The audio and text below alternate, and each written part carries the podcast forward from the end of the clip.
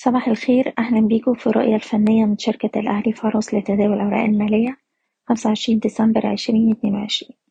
في الأسبوع اللي فات المؤشر واجه ضغوط بيعية وقفل على تراجع أسبوعي عند مستوى اتنين وتمانين. والتراجع ده جه بعد تسع أسابيع من الصعود المتواصل. بنركز دلوقتي على مستوى الدعم أربعتاشر ألف ميتين خمسة وسبعين وده أقل مستوى في آخر أسبوعين. في حالة كسر المستوى ده لأسفل معنى كده إن إحنا عملية التصحيح هتمتد معانا لمستويات الأربعتاشر ألف وتلاتاشر ألف وتمنمية المستوى المقاومة في الوقت الحالي عند الأربعتاشر ألف وتسعمية. طبعا نتيجة للتباين الكبير بين أداء الأسهم بعضها بننصح برفع مستويات حماية الأرباح حسب كل سهم على حدة والناس المحملة مارجن بننصحهم بتخفيض المراكز. بشكركم بتمنى لكم التوفيق. إيضاح: الشركة غير مسؤولة عن أي قرارات استثمارية يتم اتخاذها بناءً على هذا التسجيل.